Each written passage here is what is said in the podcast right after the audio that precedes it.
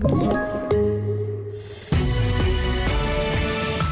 Mer kvar i plånboken för 7,5 miljoner svenskar. Utredare vill se statligt ägda sjukhus och nästan fullt till anmälningarna till höstens högskoleprov.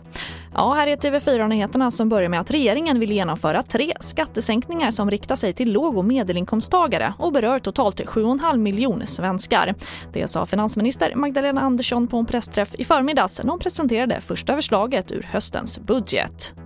Eh, sammanfattningsvis så presenterar vi idag tre skattesänkningar eh, från budgetpropositionen som riktar sig till vanligt folk samtidigt som man då stimulerar den ekonomiska återhämtningen. Och där handlar det om breda och inkluderande skattesänkningar med tyngdpunkt på låg och medelinkomsttagare och särskilt stöd till en personer som har det väldigt ekonomiskt tufft. Och det sa Magdalena Andersson och mer om det här kan du se på tv4.se. Och staten borde ta över ägandet av sjukhusen från regionerna. Det föreslår nu en utredare som granskat landets vårdinfrastruktur under pandemin.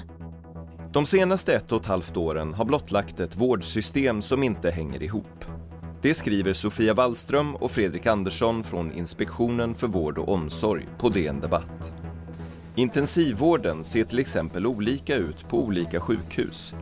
Orsaken, menar utredarna, är vårdens uppdelning mellan 21 regioner och 290 kommuner. För att komma till rätta med det föreslår de att hälso och sjukvård görs till ett riksintresse och att en ny lag stiftas som preciserar vilka de nationella behoven är. Och reporter här var Per Liljas. Och vi avslutar med att nästan 40 000 personer har anmält sig till höstens högskoleprov den 24 oktober. Det skriver Universitets och högskolerådet i ett pressmeddelande. Och på grund av coronapandemin är antalet platser begränsade till 40 000. Och när anmälningarna stängde vid midnatt fanns det endast 96 platser kvar i Mariehamn på Åland. Och det får avsluta TV4-nyheterna och fler nyheter hittar du alltid på vår sajt tv4.se. Jag heter Charlotte Hemgren.